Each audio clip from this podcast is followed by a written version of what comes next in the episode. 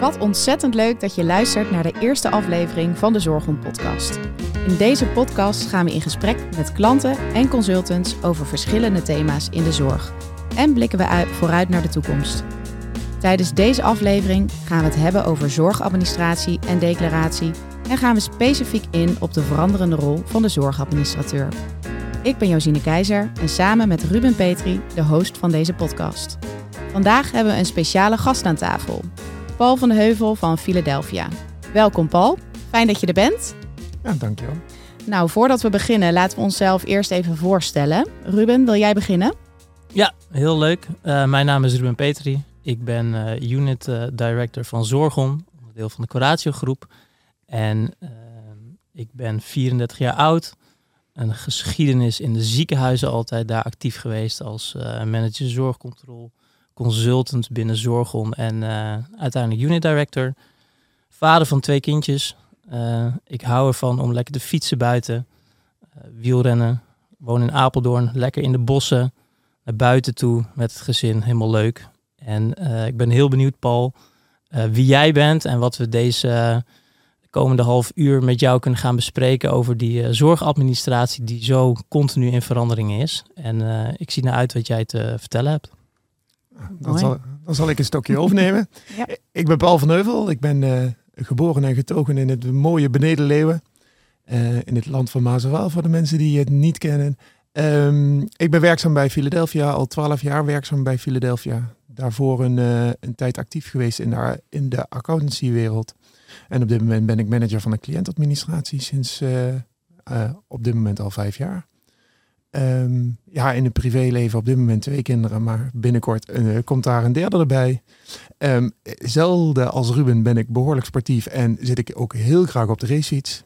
Um, niet door de bossen, maar over de mooie dijken in het land van Maaswaal. net iets anders. En ja, ik, ben, ik ben blij om hier te, om hier te mogen aanschuiven en mijn visie op, op de zorgadministratie te kunnen gaan tonen, vertellen en dat doe ik met liefde en plezier. Nou, hartstikke fijn. Ja, ik zal mezelf ook nog even voorstellen. Ik ben Josine Keizer. Ik ben uh, 29 jaar. Ik woon nu nog in Utrecht, binnenkort in Zeist. En um, ja, ik werk als accountmanager bij Zorgon, specifiek in de ouderenzorg en de gehandicaptenzorg. En daarnaast hou ik me ook bezig met het maken en uh, nou ja, plaatsen van content, zoals deze podcast onder andere. En dat doe ik omdat ik het heel leuk vind om creatief bezig te zijn naast mijn werk als accountmanager. Uh, dat is meer vanuit een hobby uh, ontstaan. Ik hou heel erg van sporten ook. Mijn wielrenfiets ligt achter in de auto. Dus straks gaan we met, met, met het bedrijf even rondje fietsen. Dus je had nog mee kunnen doen, Paul. ja. Ik heb ook gelezen over de Stelvio Challenge. Ja, precies. Ja, nou, je kan je nog aanmelden, denk ik. Dus uh, kom je op een wachtlijst, maar uh, hartstikke leuk. Nee, wij doen inderdaad mee aan de Stelvio Challenge. Uh, dus we zijn allebei fanatiek, of alle drie fanatiek wielrenner. En voetbal daarnaast. Um, en verder heb ik dus een achtergrond ja, in de logopedie. En um, ja, een kleine drie jaar de overstap gemaakt naar meer de commerciële wereld, maar wel binnen de zorg. Dus ja, ik ben nog steeds uh, een beetje aan het leren van, goh, wat, wat houdt het uh, vak in? En uh, vooral ook ja, de zorgadministratie. Wat is dat nou allemaal? Um, ik, ik kende het vooral vanuit mijn werk als logopedist, dat we af en toe eens wat berichtjes kregen van, ja, je moet het anders registreren of het moet meer. Of, nou ja, het was altijd veel gedoe. dus ik vind het leuk om, om ja, nu ook in gesprek te gaan over het onderwerp. En ja, ook jouw visie inderdaad te horen op de veranderende rol van de zorgadministrateur. Want ja, die is nou eenmaal echt aan het veranderen de laatste jaren. En ik denk dat hij alleen nog maar meer gaat veranderen.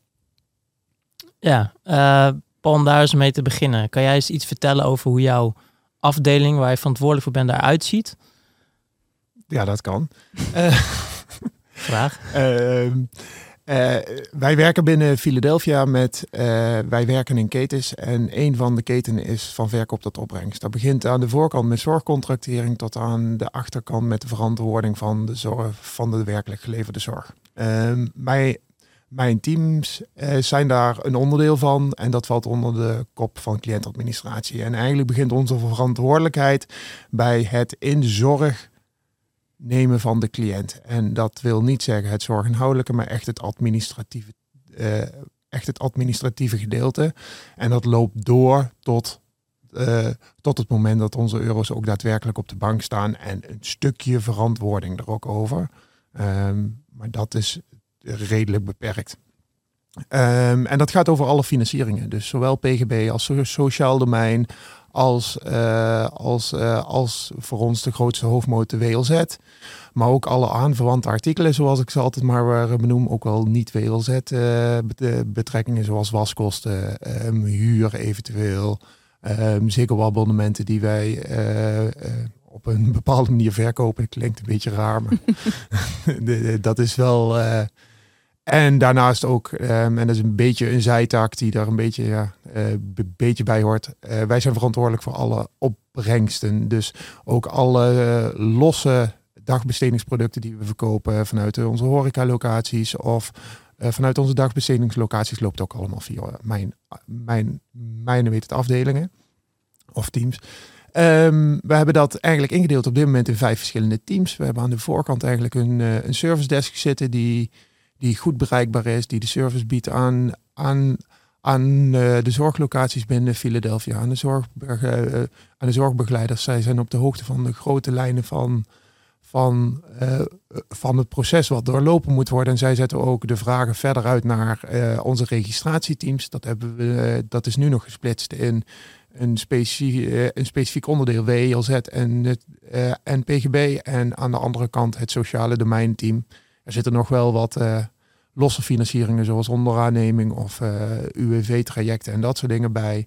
Um, ja, dan kijken we op dat moment wel waar dat het meest geschikt is en wie daar het beste bij past. En daarnaast hebben we nog twee teams. Uh, een declaratieteam die, die, het, die de declaraties voor sociaal domein en WLZ verzorgen. Dus alleen het elektronische berichtenverkeer. En het facturatie- en debiteurenbeheerteam. En dat is met name gericht op alle handmatige uh, uh, facturen die verstuurd moeten worden voor PGB, onderaanneming. Of zoals ik al zei, alle dagbestedingsproducten. Ja, en je zei uh, in het begin dat je een jaar of vijf nu manager bent van, van de afdeling. Wat heb je in die vijf jaar zien veranderen?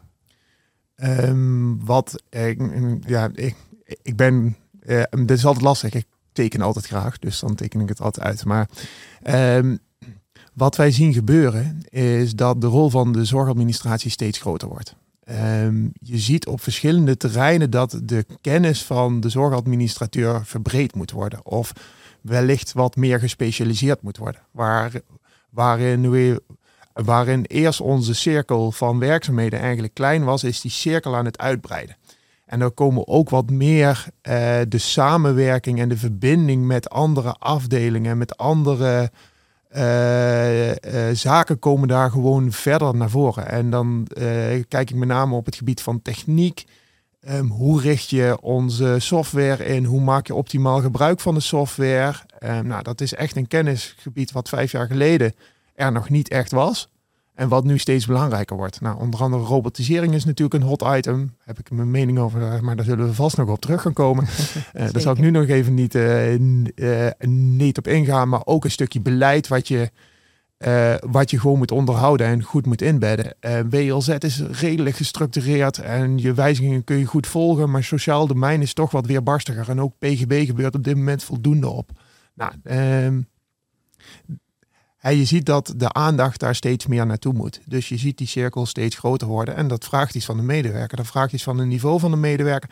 Maar vraagt ook iets van. Uh, uh, dat vraagt ook iets van het type medewerker. Waar je vroeger, waar we vijf jaar geleden nog heel veel zagen, dat, dat, dat een medewerker vanuit de zorg die iets anders wilde, maar een stuk administratie gaat doen. Mhm. Ja, dat zie je nu niet meer. Je ziet echt dat mensen nu gericht kiezen voor weet, zorgadministratie en, daar, eh, en dat we daar ook gericht op zoek naar zijn. En eh, dat je het niveauverschil ook ziet groeien van MBO naar HBO en zelfs af en toe een WO-niveau. Het is veel meer een vak geworden. Wat het is veel meer een vak geworden. En het is veel meer. En, het is altijd jammer, hè, want je zegt zorgadministratie. En voor mijn gevoel zit, zit weet het, administratie. Dat zit toch een ja, negatievere klank, een beetje saai stoffen. Het is niet compleet eigenlijk. Het is niet compleet, terwijl de uitdaging, het is, denk, het is veel meer dan dat. Ja. En, Zorgcontrole? Ja, maar ik ben niet van de controle. En dat klinkt gek als ik, eh, als ik vanuit accountancy kom, maar uh, nee, maar controle betekent dat je iets moet controleren wat, wat niet goed gaat. Ik heb liever over proces en over het verbeteren van het proces. En daar ligt denk ik veel meer focus. En ik hoop dat we in de toekomst ook steeds meer de focus daarop kunnen leggen. Wat, kan, wat gaat goed, wat gaat fout, wat kan er beter ehm, en welke impact heeft het? Ja. En ja, en kom ik misschien wel op een stukje wat ik altijd het belangrijkste vind, is kijk waarom je doet. Wat is toegevoegde waarde en wat is geen toegevoegde waarde? En durf het gesprek ook te voeren met waarom doen wij iets? Um, want we kunnen wel alles accepteren wat door ons opgelegd wordt. Maar dan maken we het met ons, uh, uh, maar dan maken we het met, uh, maar dan maken we het veel te complex. Ja. En dan maken we het te groot. En dan kun je heel lastig stappen zetten op het gebied van automatiseren. En dat betekent dat je je overheid stiekem aan het opkloppen bent en steeds groter maakt.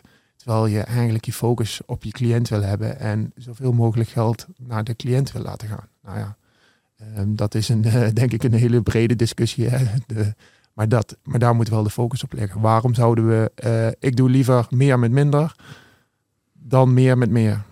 Ja, precies. En je zegt van het verandert die afgelopen vijf jaar. Er moet veel meer naar procesoptimalisatie, advies, uh, die kant op. Is dat iets wat, uh, wat jij zelf vindt en wat je vanuit je eigen probeert door te voeren in jouw team? Of is het iets wat wordt opgelegd van, van buitenaf, misschien wel door zorgkantoren, verzekeraars? Um, ik denk dat dat niet direct vanuit zorgkantoren direct is opgelegd of komt. Maar ik denk dat dat wel komt door de positie waarin, eh, waarin wij als Philadelphia eh, begeven. Wat wij als Philadelphia ook zijn. We staan denk ik ook wel redelijk bekend als innovatieve partij. Um, ik denk dat we ook binnen, um, en dan neem ik als voorbeeld het regelarme traject wat wij doorlopen, om daar heel kritisch naar te kijken. Dat is wel een van de pijlers waar wij heel veel op bouwen. En als jij op een regelarme manier ergens naar kijkt, dan moet je ook naar de processen gaan kijken. En als je het op een regelarme manier inricht, dan maak je het simpel en dan maak je het overzichtelijk. En dan kom je ook toe aan, aan, aan sommige uh, stukken waar je je tijd aan gaat besteden. Want de focus van de medewerker ligt heel vaak op: hey, ik heb 200 beschikkingen, 200 indicaties die ik moet verwerken. En die gaan ze verwerken. En dan is er met niet meer en dan is het misschien aan, en dan is er misschien aan, de, aan het einde van de werktijd, is er misschien nog tien minuten over. Oh ja, ik moet ook nog iets doen met procesverbetering. Ja, waar komt het nou eigenlijk vandaan, die 200? Ja, uh, maar de vraag is, waarom moet ik die 200? En hoe kan ik ervoor zorgen dat ik eigenlijk die 200 voor de middag af heb, zodat ik vier uur kan besteden aan misschien wel eigen ontwikkeling, misschien wel aan, uh, aan de procesverbetering of ik ga een keer een kop koffie drinken met een van de andere afdelingen binnen Philadelphia om Philadelphia te leren kennen. Ja. Want als ik Philadelphia ken of als ik de zorg ken, kan ik ook veel beter inspelen op de vraag die er is. Ja. Dus je moet ruimte creëren in je dagelijks werk om ook, uh, om ook aan die verbeteringen te kunnen werken en ook die stappen te kunnen zetten. Op welke manier probeer je dat in jouw team door te voeren? Want het, het gedachtegoed is denk ik heel goed. Alleen we weten allemaal, de, de, de praktijk van alle dag is uh, dat die 200 toch echt gedaan moeten worden. Hoe ja. krijg je je medewerkers daarmee? Ja, dat is, uh, dat is wel een. Uh, uh, bij de een gaat het makkelijker als bij de ander. we hebben daarvoor tijd nemen en tijd geven. wij als Philadelphia, die geven daar tijd voor. Dus, ik, dus als zij vragen, gaan wij leveren. Even, dat is een beetje het principe, maar ze moeten het ook nemen. En um, ik ben niet de manager van alle medewerkers binnen mijn team. Dat zijn ongeveer, twee, dat zijn ongeveer 30 medewerkers. Maar we hebben er ook teamleiders voor. En in hun bila's die ze, die ze geregeld hebben met uh, de medewerkers, wordt het ook continu besproken. En, uh, en geven we ze ook echt tijd vanuit dagstart en weekstart om aan dit soort onderwerpen te en ook te stimuleren. Dus als ze een project draaien, krijgen ze ook een x-tijd om een project te draaien. En als, ze, uh, en als zij ontwikkeldoelen hebben vanuit hun functioneringsgesprekken of bij ons wordt het dan RNO-gesprekken genoemd, dan reserveren we daar ook gewoon tijd voor. En dan moet gewoon respect en, uh, en, en er moet ook rekening mee worden gehouden door de teams. En op het moment dat men weet waar iemand aan werkt, dan wordt dat ook over het algemeen geaccepteerd. Nou, daarnaast hebben we ook Daarnaast hebben we ook uh, met de medewerkers zelf een soort van teamontwikkeling. Wat zijn de doelen die we als, als, als, uh, Um, weet, wat zijn de doelen op het gebied van teamontwikkeling? En van daaruit hebben we de keuze gemaakt om met z'n allen uh, uh, om met z'n allen lean trainingen te volgen. Dus een gedeelte, vol, een gedeelte volgt de green belt, een gedeelte volgt de orange belt. Maar gaan we ook andere dingen doen. En op het gebied van technologie. We hebben een week gedaan van de technologie. Dus is iedereen naar verschillende prikkelende, hoe heet het, omgevingen gegaan om inspiratie om te doen. En ja, zo zijn er heel veel mogelijkheden die we proberen te benutten daarin. Al, alleen het valt of staat bij het geven. Nou, dat doen wij. Maar de medewerker moet zelf ook willen om te doen. En je moet ook, nee, ik ben, je moet ook, uh, je moet ook kijken naar de, wat de medewerker zelf wil. Want ook de medewerker die er vijf jaar geleden zat, die zit er nu ook nog. Ja. En sommigen die zitten prima op een plek, doen hun werkzaamheden prima. Waarom zou je die veranderen als ze tevreden zijn? Dus het moet ook wel toegevoegde waarde hebben. Ja, en als je dan kijkt, hè, want ja, je zegt uh, jullie afdelingen hebben al best wel wat uh, ontwikkelingen doorgemaakt. Waar liggen dan nu nog de grootste uitdagingen als je kijkt naar mensen, systemen en processen? De grootste uitdaging zit denk ik voor onszelf om wat is op dit moment is de grootste uitdaging wat ligt uh, wat is voor ons de best werkbare manier om de vervolgstap te gaan zetten. En hoe groot moet die vervolgstap zijn? Um, als je kijkt naar waar we naartoe willen, is eigenlijk, uh, nou, een, uh, Coratio noemt het zero admin, wij noemen het regelarme zorg. Um, ik noem het zelf maar even. Um, ik wil eigenlijk geen handmatige mutaties meer doorvoeren. Um, dat moet geautomatiseerd of versimpeld worden. Hopelijk door de software en daarna misschien door robotisering. maar hoe ga je dat doen?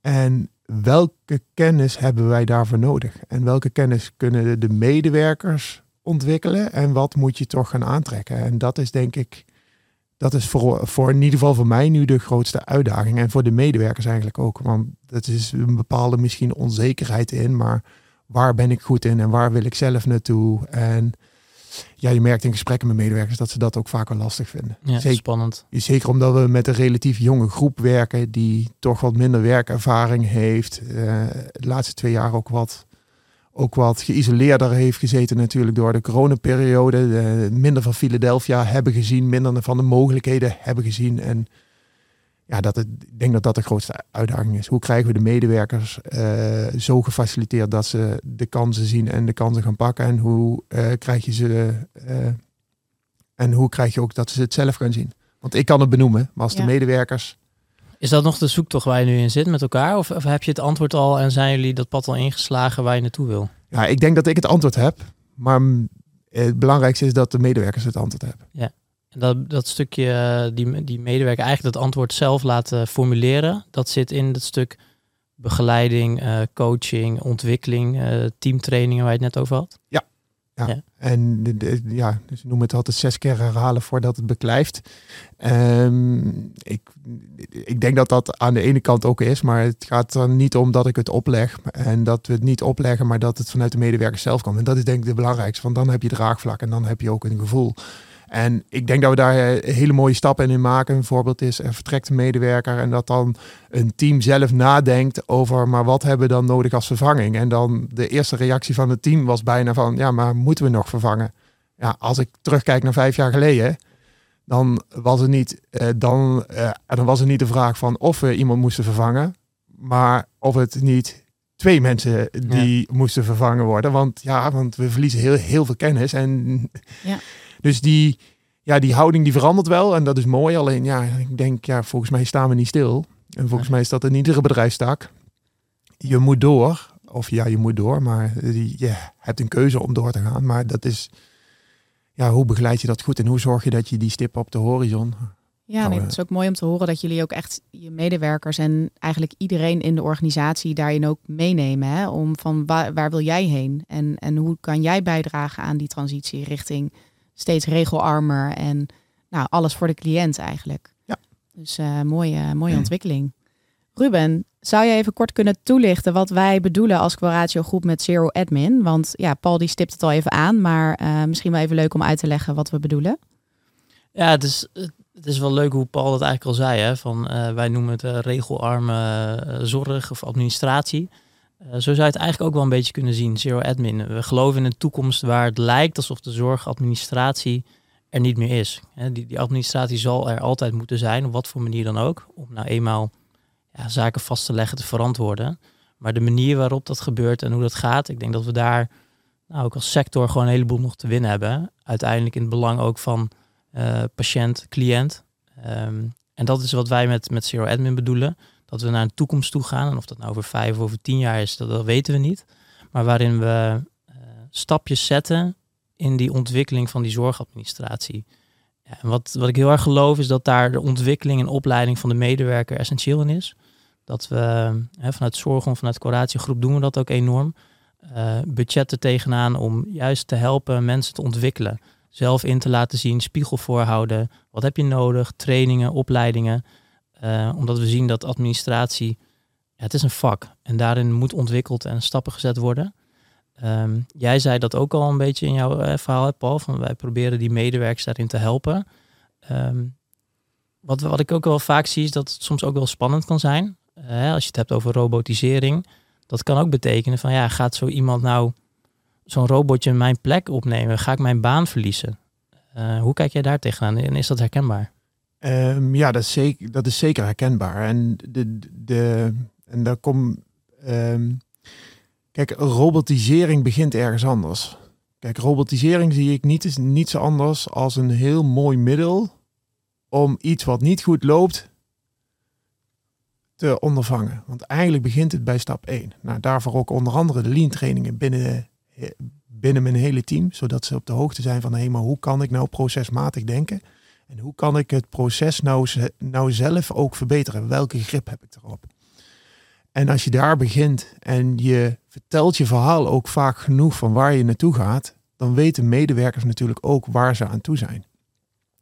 En je kunt dan beginnen met procesverbetering en dat doe je wat in een. Uh, en je moet je tempo waarin je dat gaat doen ook aanpassen aan, aan het tempo wat de medewerkers aankunnen. Uh, toevallig gisteren met, uh, met een van de managers van ons, van ons hoe heet het, RPA-team en business analisten. En ik weet allemaal niet welke, wat, wat voor mooie termen die in zijn titel heeft. Ook gesproken. En die zei, ja, ik heb het gevoel dat, het, dat we niet snel genoeg gaan. Ik zeg ja, ik heb hetzelfde gevoel. Maar ik denk als je aan mijn medewerkers vraagt, dan gaan we snel genoeg. Of misschien wel te snel. En dat is denk ik wel een belangrijk speelveld waar je in moet zitten. Dus je moet gewoon goed kijken naar wat kan mijn team aan en wat uh, en waar kunnen we versnellen. En vaak is het, nou, um, je doet de procesverbetering en je komt op een gegeven moment tot de conclusie, hey, hier, hier gaan wij, hier gaan wij, hier gaan wij een stuk robotiseren. En als je dat doet en je doet het in een overleg met je team, dan zorgt dat voor onzekerheid. Dan ze vinden er wat van. Uh, maar als je ze ermee laat werken en ze zien dat dat goed gaat en je sleutelt ook nog bij waarin zij ook zien waarin het beter kan, of dan maak je al een stap. De volgende stap kun je dan pas kun je gaan versnellen. Ga je in één keer beginnen met een heel strak plan en dit, dan, dus, zo. En, uh, en aan het eind van het jaar hebben we nog 5 FTE over. Ja, dat is een illusie die, die je niet kunt gaan waarmaken. Dus je moet dat samen doen en je moet goed kijken en je moet ook flexibel zijn om te kunnen versnellen en ook te kunnen vertragen. Ja, wij hebben dit jaar ook um, aan de ene kant kunnen versnellen. Aan de andere kant hebben we gewoon even gezegd, ja, maar we gaan nu drie uh, robots binnen een team neerzetten. Uh, laten we even vertragen. Want dat is gewoon nodig, want het heeft het team en daar vragen ze ook naar. En dan moet je ook daar gewoon goed naar luisteren. En ja, het gaat ook over, over en hoe vertel je dat dan? Ja, eh, ik heb, wij hebben een meerjarenplan gemaakt waarin je ook een stip op de horizon zet. Komt die term meer die ik eigenlijk liever niet, niet gebruik. Maar en daarin hebben we ook gewoon serie, daarin kijken, daar, daar, daarin hebben we ook gewoon aangegeven van ja, luister, als we met minder kunnen, dan gaan we met minder. Ja. En ja, en dan kom ik weer het voorbeeld van wat we net hadden. Als een team dat zelf al gaat aangeven van ja, maar misschien hoeft hij niet vervangen worden, dan denk ik dat je alle stap hebt gemaakt. En dan heb je je team op de kar. Dan hangen er altijd iemand eh, en dan hangen ze er altijd achter. Hè? Eh, daarmee moet je het gesprek voeren. Ook met degene die op de kar zitten, want die hebben, die hebben nog meer last van de mensen die hierachter hangen dan de anderen. En dan moet je soms ook gewoon ja, impopulaire keuzes maken. Maar ja, daarvoor ben je er als manager of als teamleider. Ja. Hoeveel, hoeveel robotjes heb je draaien op je afdeling?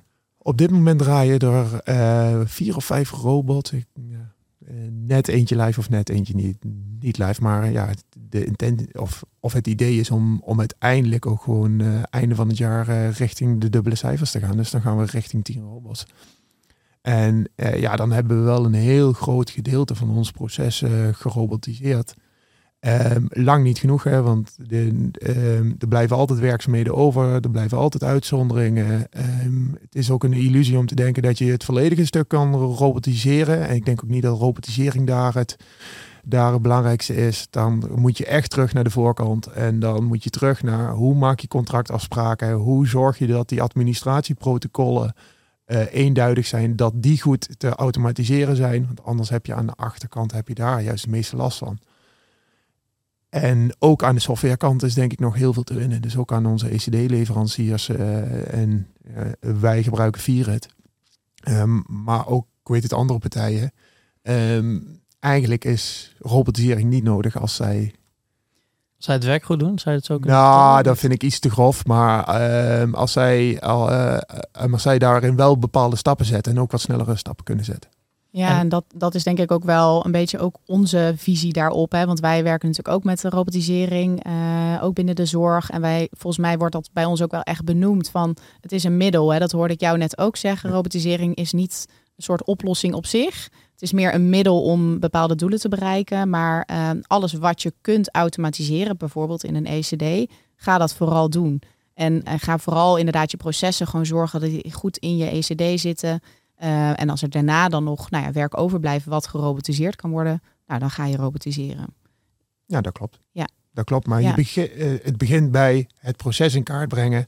Het begint bij waaraan moeten we voldoen. Mm -hmm. of, daaraan, uh, of daar begint het bij. Ja, en, en dan komen we een beetje op het regel, en dan komen we een beetje op het regelarme traject wat wij ook als Philadelphia doen. Kijk, we zijn in 2012 gestart met regelarm. Nou, Um, en uh, daarin kijk je gewoon kritisch naar wat, wat moeten we doen, wat leggen we vast.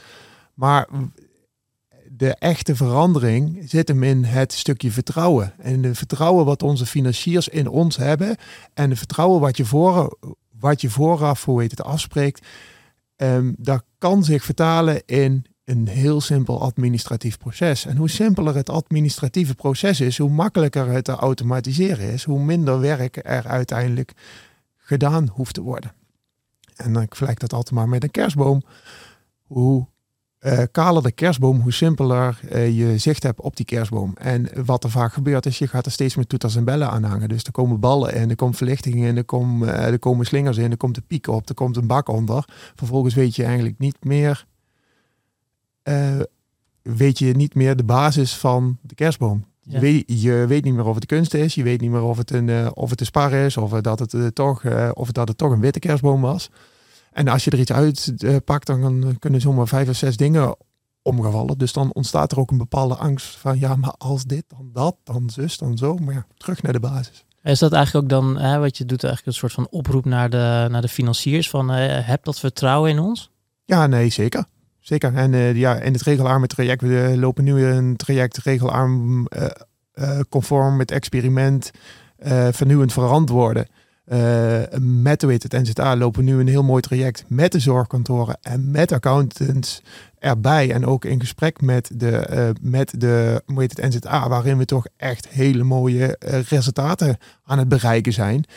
En waarin we, waarin we ook alle medewerkers die daar betrokken in zijn, bij wie je hoe heet, bij betrekken. En wat ik daar mooi aan vind, hè, het, lijkt er als, het lijkt alsof wij het willen, maar ook de zorgkantoren en accountants willen het. Want ik heb regelmatig in een gesprek gezeten waarbij ik zelf getriggerd werd door een accountant of door een zorgkantoor van ja, maar waarom doen jullie dat zo? Ja. En het is ook vaak, hè, en, in, en de, de, de, als je kijkt naar hoe je een ECD bijvoorbeeld inricht, is het heel vaak zo 30% is ongeveer wet en regelgeving qua processen.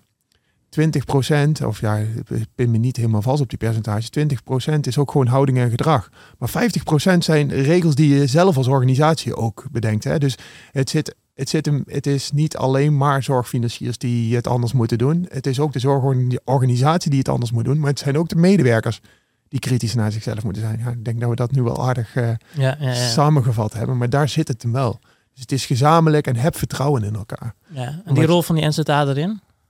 Ja, daar horen we soms ook wel eens van in het veld van, nou dat is ook veel en moet vastgelegd worden. En... Ja, maar op het moment dat je als zorgaanbieder, als accountant en zorgkantoor met z'n drieën, met een partij, met een plan komt, en je betrekt daar het NZA bij. Je houdt ze op de hoogte van de voortgang die je hebt. Dan gaat ook een NZA, die ook genoeg artikelen laat publiceren, of, uh, of in ieder geval, hoe heet het, onderstreept dat het is, dan kunnen ze ook geen andere kant op. Alleen dan doe je het niet alleen als zorgaanbieder, of doe je het niet alleen als accountant, of dan doe je het niet alleen als zorgkantoor, uh, die melding. En je moet het laten we ook zeggen, je moet uh, het is gemeenschappelijk geld, dus verantwoorden mag. Alleen doe het wel op een zo simpel mogelijke manier. En uh, een, mooi voorbeeld is, wij gaan nu datapunten gebruiken om de feitelijke zorgen, om de feitelijke zorg moet het aan te tonen. Voor ons is dat een versimpeling. Maar in plaats van 70% waarheid gaan we naar 90, 95%. Dus hoe, en dat is een heel belangrijk stuk voor en dat is een heel belangrijk stuk voor, hoe heet het, NZA. Die daarin zegt van, ja, maar ik had eerst 70% en ik heb nu 95%. Dus ja, dan... Meer zekerheid. Meer zekerheid, iedereen tevreden. En uh, ja, dat is denk ik ook het mooie. En veel meer werken vanuit vertrouwen. En ook met elkaar in verbinding staan. In plaats van de losse eenheden te zijn en de wijzende vingers. En nee. En dit kan een keer fout gaan, hè? Uh, het gaat ook een keer fout. Maar dan, ja, je bent, staat wel echt in contact met elkaar en inderdaad in verbinding, zoals je dat mooi noemt. Uh, ik denk dat die samenwerking nog veel meer mag in de zorg uh, tussen verschillende partijen. Uh, mooi dat jullie dat op die manier ook in het project dus doen. Als je nou nog iets zou mogen veranderen aan het beleid, aan de wet en regelgeving, nou noem het op, wat zou dat dan zijn? Het mag alles zijn. Um, dat is een hele simpele. Ik zou, uh, ik zou er echt voor kiezen om, uh, om, om uh, nou, ik begin even, eh, ik begin hem even zachtjes op te bouwen. Als ik kijk naar, als ik kijk naar mijn teams, dan zie je in het, dan, dan zie je in de WLZ een hele scheve verhouding ten opzichte van het sociaal domein. Sociaal domein ben ik net zoveel tijd kwijt, terwijl de omzet nou, nog niet, nog, nog niet 10% is. Um, de rest van de organisatie is er ook veel drukker mee bezig. Ik denk dat daar echt de standaarden verplicht moeten gaan worden. En ook rondom tariefstelling, producten die gebruikt worden, uh, wijze van, uh, um, de wijze van contracteren, uh, het aanbestedingskaders en dergelijke. Ik denk dat daar een hele stap te maken is. Waarbij ik denk toch Zorg Nederland dwingender moet zijn richting gemeentes. In plaats van dat gemeentes het zelfstandig mogen doen. Want je ziet gewoon een beweging dat de aanbestedingen steeds zwaarder en kwalitatiever worden. Je ziet steeds minder zorgaanbieders die gecontracteerd worden. Kan zorginhoudelijk natuurlijk een prima verantwoording zijn. Maar vervolgens zie je gewoon een enorme toename van onderaanneming. En, en uiteindelijk van administratieve lasten. En dat vind ik denk ik een, uh, dat is denk ik een ja, zorgwekkende, uh, een, zorg, uh, een zorgwekkende ontwikkeling wil ik niet meteen zeggen, maar eh, je moet daar heel scherp op zijn dat dat niet ja, alleen maar gaat leiden tot een hele hoop bureaucratie en geld die aan de strijkstok blijft hangen.